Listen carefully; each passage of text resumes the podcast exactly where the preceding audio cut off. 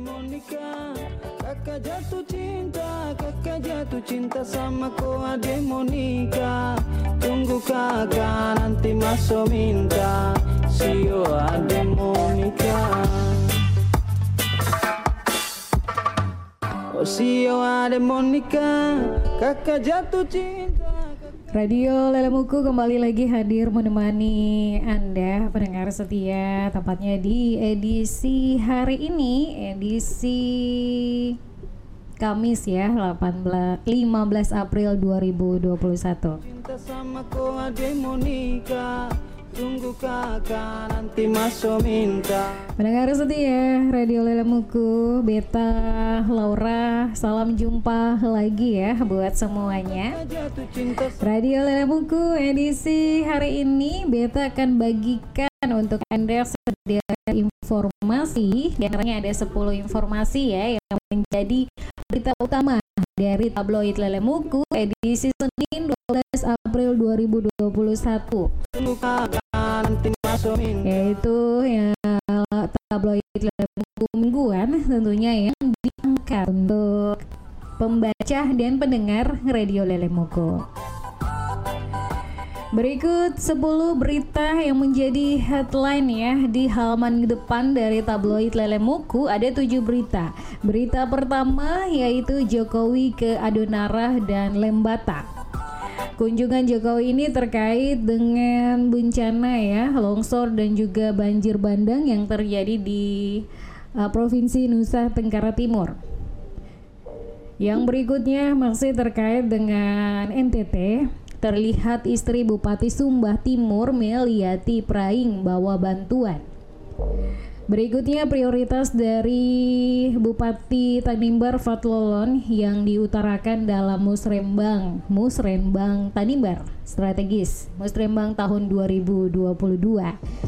Informasi yang keempat yaitu pariwisata akan menyambut pelaksanaan momen akbar bagi uh, umat muslim di Tanimbar yaitu MTQ diikuti dengan berita duka dari Inggris yaitu meninggalnya Pangeran Philips dan dari dunia olahraga. Ada dua informasi dari dunia olahraga yaitu uh, terkait dengan final yang dilakukan oleh Messi diikuti dengan Papua fokus pelaksanaan PON 20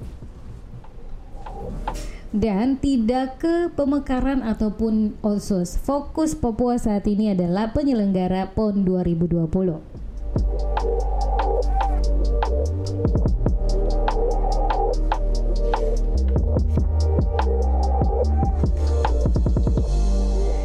Ya, pendengar langsung ya dengan informasi pertamanya yaitu kunjungan Jokowi melihat langsung uh, lokasi terjadinya bencana longsor dan juga banjir banjir bandang yang terjadi di NTT. Jokowi kunjungi lokasi terdampak bencana di NTT. Pada Jumat 9 April 2021, Presiden kita Joko Widodo mengunjungi Pulau Adonara di Kabupaten Flores Timur, NTT. Salah satu wilayah yang terdampak paling parah saat bencana banjir bandang dan juga longsor akibat badai siklon Seroja yang terjadi beberapa waktu lalu.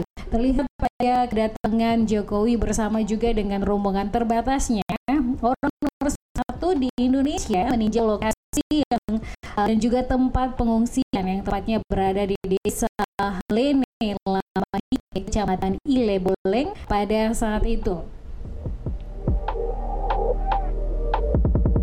Presiden juga mengatakan bahwa warga terdampak bencana di lokasi tersebut nantinya juga akan direlokasi ke wilayah baru yang akan ditetapkan kemudian oleh pemerintah daerah. Dalam hal ini Perintah pusat siap untuk pemerintah pusat ya siap untuk segera membangun rumah-rumah baru bagi warga yang terdampak bencana tersebut.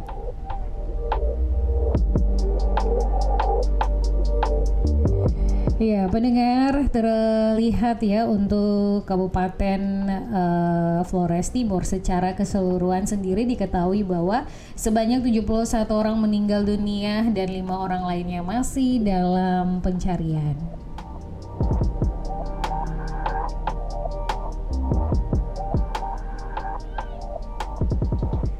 Baik, pendengar informasi berikutnya masih dari NTT ya. Ada satu figur yang terlihat ya di sana yaitu istri Bupati Sumbah Timur yang viral ya di medsos usai terobos lumpur. Terlihat ini potret istri dari Bupati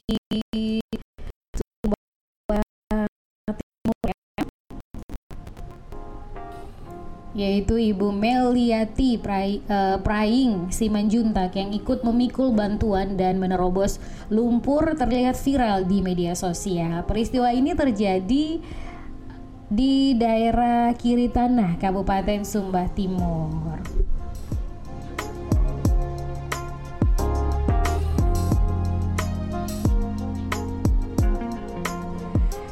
Ajudan dari Bupati Marcelinus Saprianus Kela yang saat itu mendampingi ibu ya, istri Bupati ini menceritakan bahwa proses penyaluran bantuan yang dilakukan Meliati yaitu pemberian bantuan di desa Kiri Tanah, Kecamatan Kambera, Sumba Timur ini dilakukan istri Bupati pada Selasa 6 April.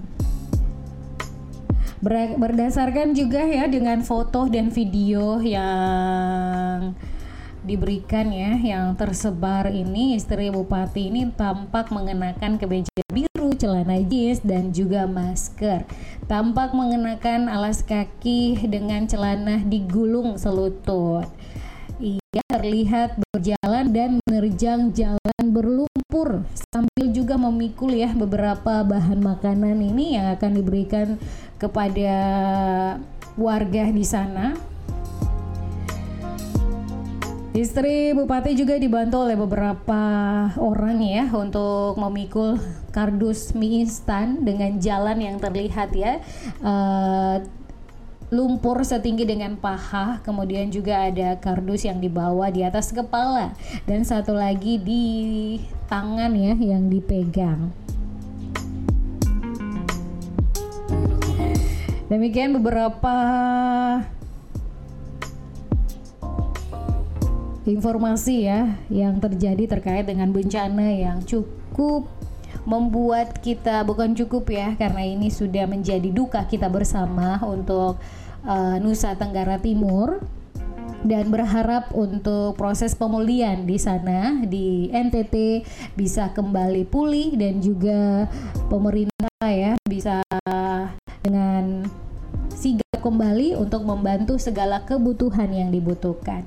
Dan juga terlihat pendengar uh, saat ini juga donasi-donasi ya beberapa dari orang yang tersohor di Indonesia juga sudah membuka donasi-donasi bagi uh, warga terdampak bencana ini. Jadi tentunya bagi Anda juga yang mungkin mendengarkan saat ini uh, radio Lele Muku yang tergerak juga untuk memberikan bantuan bisa langsung mencari donasi-donasi mana yang tentunya yang Anda percayai ya, yang Anda lihat bahwa benar-benar uh, bantuan yang uh, Anda berikan akan langsung tersalurkan kepada masyarakat di NTT.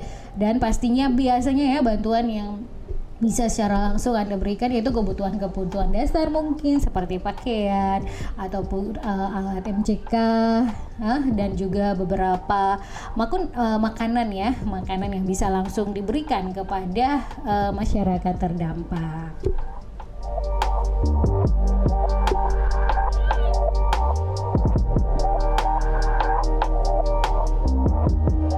Pendengar Kali ini dari Provinsi Maluku, tepatnya di Kabupaten Kepulauan Tanimbar. Informasi datang dengan judul Musrembang Tanimbar atau uh, dari Bupati Tanimbar Petrus Fatwalon terkait dengan kegiatan Musrembang Kabupaten 2022.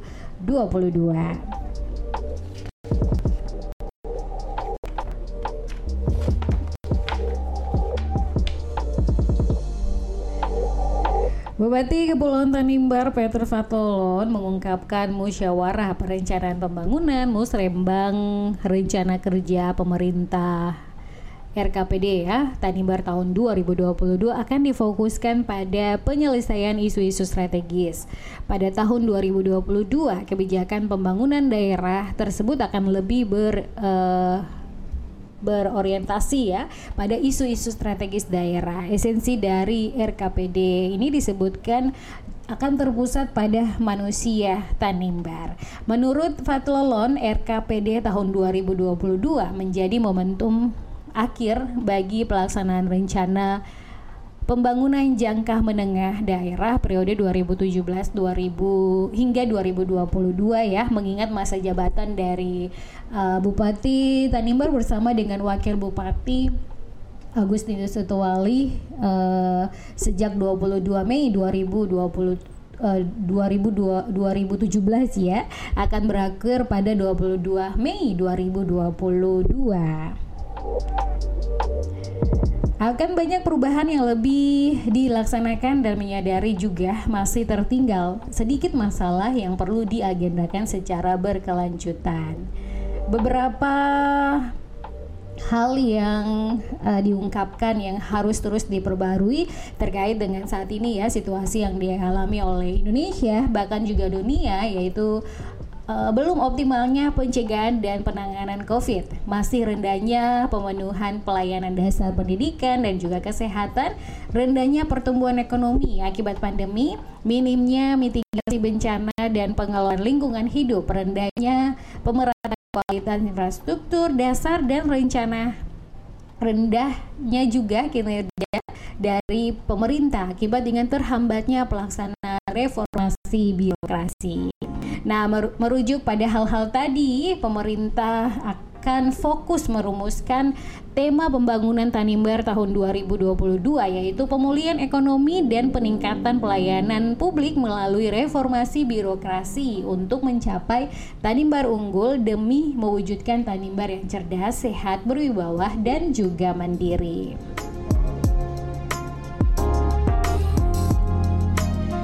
Sehingga ada beberapa prioritas ya yang akan dilakukan yaitu pembangunan Tanimbar lebih diarahkan kepada percepatan pemulihan ekonomi lokal, peningkatan pemenuhan pelayanan dasar di bidang pendidikan dan kesehatan, pemerataan kualitas infrastruktur dasar, kemudian uh, diikuti dengan peningkatan mitigasi bencana dan pengelolaan lingkungan hidup dan juga pelaksanaan reformasi birokrasi. Sedikit tentang yang disampaikan lagi oleh Bupati ya bahwa ia menegaskan bahwa Tanimbar di tahun 2022 akan semakin berkilau dengan wajib menyediakan taman yang indah bagi generasi yang akan datang dan berkewajiban untuk menciptakan satu Firdaus yang baru yang akan menjadi hadiah terindah bagi generasi penerus.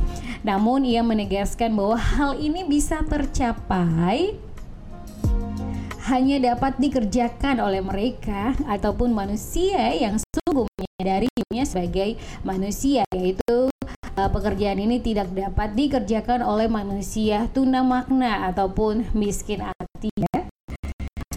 ya apa yang sudah ini yang dirumuskan dalam bank ini bisa berjalan dengan baik dan tentunya bisa langsung menjadi jawaban atas kebutuhan dari masyarakat.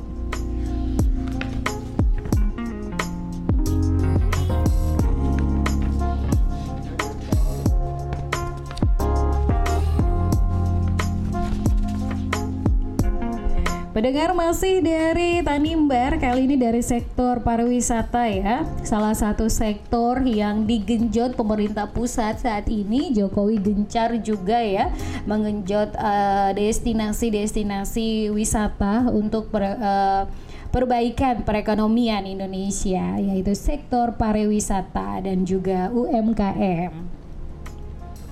Kali ini dari uh, destinasi wisata yang ada ya, ada tiga destinasi wisata yang saat ini ditonjolkan Tanimbar. Salah satu momen spesial yang akan dilangsungkan pada Oktober 2021 yaitu MTQ yaitu Musabaka Tiliwatil Kuran ya MTQ Provinsi Maluku yang ke-29 dari uh, Dinas Pariwisata Tanimbar sendiri akan menyiapkan tiga lokasi destinasi untuk pelaksanaan momen akbar tersebut, yaitu pada Danau Lolurun diikuti dengan Pantai Weluan dan juga Pulau Matakus. Pada Danau Lolurun sendiri akan difokuskan untuk penampilan atraksi wisata, tari-tarian, kesenian, pameran lingkungan alam, semua akan dilakukan di situ dan juga promosi uh, hewan endemik Tanimbar yaitu ada kerbau yang dine, ada nuri dan juga kakak tua dari Tanimbar. Selain itu juga Pantai Weluan akan dijadikan sebagai fokus wisata pantai dan pesisir pantai dan Pulau Matakus ini akan disiapkan untuk uh, para tamu ya yang mengikuti MTQ yang ingin melakukan diving dan di sana juga ada diving center. Ada tiga pulau di sekitar Pulau Matakus yang dia akan dijadikan target bagi para pengunjung. Di antaranya Pulau Matakus sendiri, kemudian Pulau uh, Nustabun dan juga Asutubun. Baik pendengar, kita tinggalkan beberapa informasi yang baru saja Beta bagikan untuk Anda semua sebelum informasi lainnya terkait dengan uh, Pangeran Philips dan juga ada berita olahraga saya Beta hadirkan ya untuk Anda semua. Satu nomor lagu menemani aktivitas. Kemari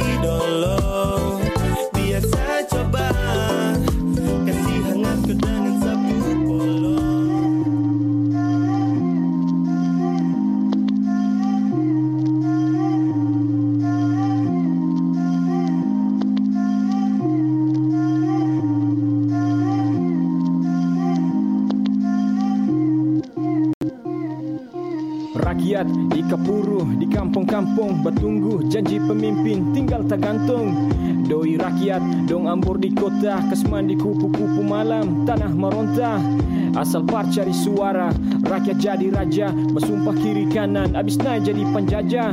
Penipu deng gaya meranda kaslombo hati rakyat deng air mata Miranda. Ah rupiah bat terbang pasang setelan cogan bujur rakyat deng gandang Ah, Bafoya bapikul amanah. Bye-bye akhir hidup darah merah jadi nanah. Tuhan hanya ada di tempat ibadah. Bagi dong di luar itu macam klub Tuhan sing ada Talang doi masjid lebih karaoke. Tiang amperu bomar dompi sibuk landoke. Ah, proyek aspal tak kapar. Kabong tarsa jengkal diberi 8 hektar Pencitraan. Rakyat Lego jangkar Doi prop mulu yang prop jadi pendekar. Tanah barokah marbalik jadi bahaya. Penuh tanpa prostitusi gelap sing baca haya. Orang susah dapat atur pikir doi. Syariat dari belakang yang penting goyang amboi. Ah, dong ciptakan kemiskinan, kekecauan, kebodohan biar rakyat dengar dong. Ah, dong kesesa cuil hak. Rakyat yang seng tahu lari pila ciong dong. Sekolah di kampung ancur minta ampung. Kaki meja patah sondor kertas sepotong Ah, guru menangis minta tolong. Parsapa bangunan tinggal apa kong jangan tanyakan apa. Dong bikin rupa-rupa Petani talang paku Harga kopra tidur tanpa. Janji racung Bono makan puji. Selak semua imam Dari desa naik haji Penipu asik Pangku kaki di istana. Bikin orang tambah susah Lalu paksa jual tanah. Lapangan pekerjaan Kasih pun sedikit. Baru bilang masyarakat Ini bukan tahun hoki. Pemuda patah pena karena seng ada binaan. Nelayan butuh solusi bukan butuh tekanan. Petani butuh inovasi teknologi pangan. Bukan cerita dongeng negeri yang Kasih biar orang kampung kasih hidup. Anak-anak tumbuh besar air sopi Jangan kasih biar angin malam datang tiup. Seru membakalai tagal beda warna rompi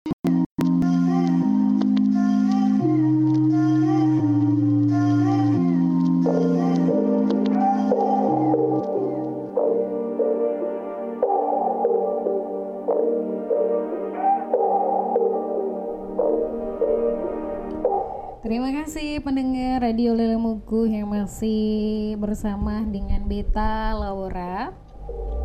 Masih dengan beberapa informasi dari tabloid Lele Mugu edisi mingguan ya, edisi Senin. 12 April yang beta bagikan untuk kamu semua.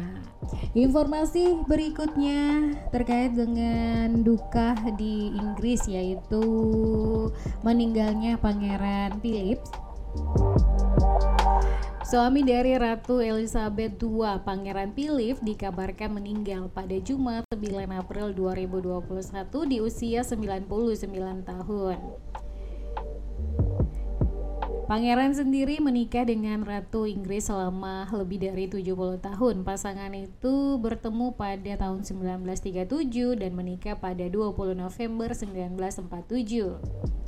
Pernikahan dari Ratu Elizabeth II dan Pangeran Philip adalah yang paling terlama dari semua pemegang tahta kerajaan Inggris. Ratu juga menjadi pemimpin kerajaan terlama yang melayani di Inggris.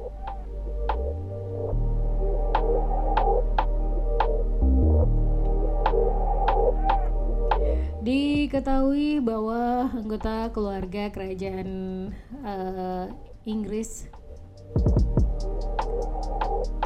yang meninggal ya Ketika anggota keluarga kerajaan meninggal, kerajaan akan memasuki masa berkabung resmi selama 8 hari. Periode berkabung ini berarti semua urusan negara akan ditunda sebagai penghormatan termasuk persetujuan atas undang-undang. Menurut tradisi, semua anggota keluarga kerajaan Inggris dan perwakilan diharapkan mengenakan pakaian berwarna hitam atau gelap dan juga pita berkabung. Setelah pemakaman selesai, ratu secara pribadi akan memiliki masa memiliki ya masa berduka yang lebih panjang, tapi dia akan melanjutkan tugas kerajaan dari balik pintu tertutup. Diketahui juga periode berkabung bagi kerajaan Inggris penuh untuk keluarga kerajaan akan berlanjut selama 30 hari berikutnya. Setelah itu ratu akan kembali sepenuhnya ke kehidupan dan juga tugas publiknya. Bendera akan diturunkan menjadi setengah tiang untuk menandai wafatnya Pangeran Philip dengan pengecualian bendera standar kerajaan di atas uh, istana Buckingham, bendera yang mewakili monarki itu tidak pernah diturunkan bahkan jika raja yang meninggal. Pemerintahan juga akan menunjukkan rasa hormat kepada mendiang Pangeran Philips. Anggota parlemen akan mengenakan ban lengan hitam di lengan kiri mereka sebagai bagian dari masa berkabung. Sementara laki-laki juga akan mengenakan dasi hitam. Meskipun ini adalah protokol resmi, tidak ada jaminan bahwa ratu akan mengikuti proses yang tepat ini.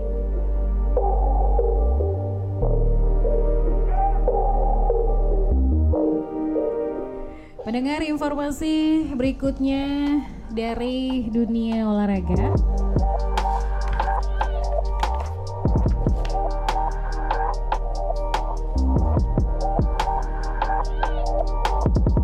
yaitu kontroversi penalti di laga El Clasico.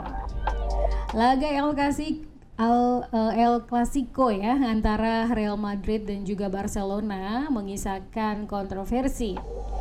Pelatih Barcelona Ronald Koeman mengklaim timnya layak mendapatkan hasil imbang 2-2 jika wasit memberikan penalti saat menye saat menyerang.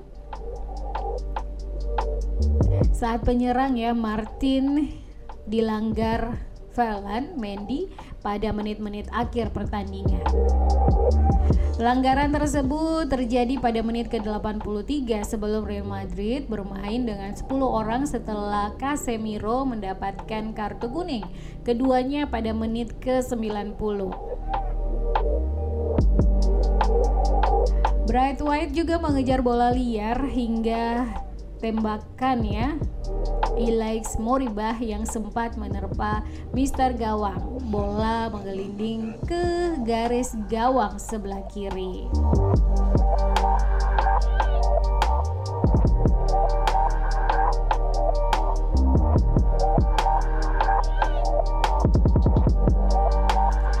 Kemudian dalam tayangan ulang dari pertandingan ini tangan Bray Wyatt memang sempat terlihat ditarik oleh Mendy sebelum dia kemudian terjatuh dan akhirnya tidak mampu menggapai bola. Para pemain Barcelona sendiri sempat mengajukan protes kepada wasit akan tetapi si wasit tetap pada keputusannya yaitu tidak memberikan penalti kepada kepada La Braugana.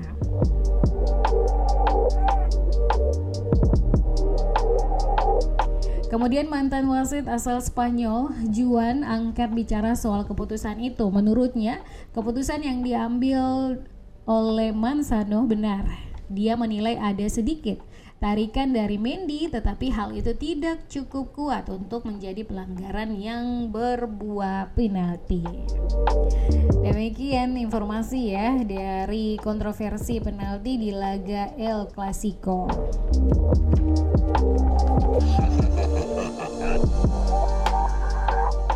Pendengar informasi terakhir untuk Anda saat ini yaitu dari Provinsi Papua. Fokus Papua adalah PON bukan revisi otsus atau pemekaran.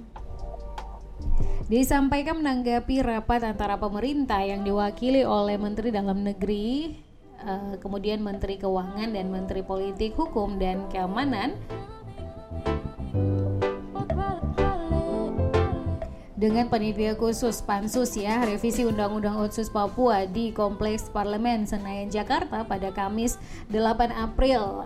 Dewan Perwakilan Rakyat Papua DPRP menegaskan agar Menteri Dalam Negeri tidak membahas revisi otsus atau pemekaran karena dalam pertemuan Mendagri Tito Karnavian dengan Gubernur Papua Lukas NMB di Jayapura pekan lalu sudah ditegaskan oleh Gubernur bahwa tahun ini Papua sedang mempersiapkan uh, momen ya yaitu Pekan Olahraga Nasional PON ke-20.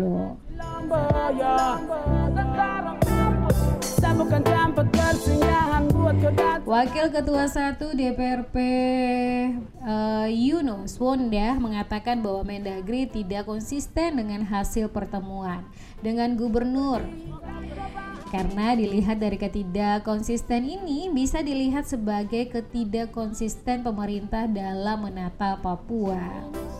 Disampaikan juga bahwa jika tidak konsisten seperti ini, bagaimana hasilnya bisa dipastikan konsisten. Sama halnya dengan ketidakkonsistenan uh, ya, otsus semakin lama. Usulan dari skema pemekaran oleh Mendagri pun menurut Wonda tidak bisa diterima karena Undang-Undang Otsus yang berlaku yaitu pada pasal 76 menegaskan bahwa pemerintah pemekaran Provinsi Papua dilakukan atas persetujuan Majelis Rakyat Papua dan juga DPR Papua. Setelah memperhatikan dengan sungguh-sungguh kesatuan sosial budaya, kesiapan sumber daya manusia dan juga kemampuan ekonomi dan perkembangan di masa datang. Wanda juga menambahkan bahwa berbagai komponen masyarakat sudah menyampaikan tiga hal yang berkaitan dengan kesuksesan penyelenggara PON nantinya. Pertama adalah tidak bicara revisi otsus, kedua adalah tidak bicara pemekaran, dan ketiga adalah tidak akan menambah pasukan, menambahkan pasukan. Wanda juga meminta Pansus Otsus dan DPR RI harus melihat dinamika Papua saat ini. Seperti diketahui bahwa Mendagri ya menginginkan pemerintah pusat bisa memutus uh, memutuskan pemekaran wilayah Papua tanpa harus melalui persetujuan MRP dan juga DPRP. bisa apa kalau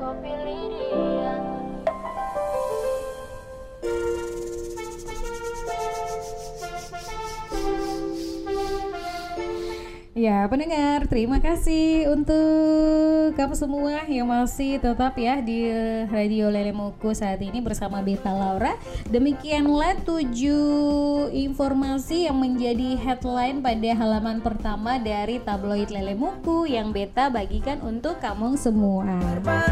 Untuk saudara semua yang ingin mengetahui lebih lanjut ya informasi tadi ataupun juga informasi lainnya, bisa langsung mengunjungi website Lele Muku.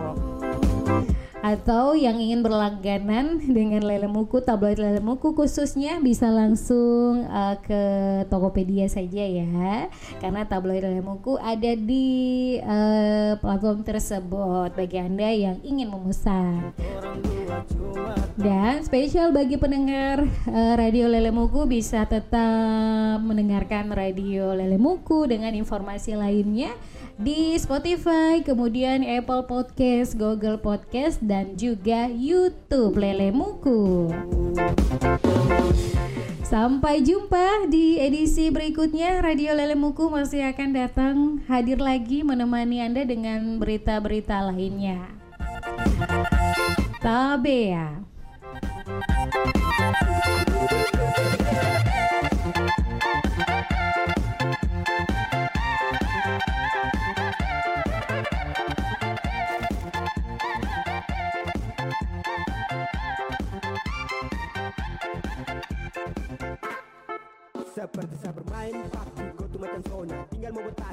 sudah usang Remisa tersiksa ku mulut berbisa Ku kipas habis sampai terada sisa Sayang saat itu ku tolong. Ya, ku percaya saya saat buahnya Tuk teman biasa. Biasa teman teman Kita dong kurang enak. Sahat gaya karena dulu jadi teman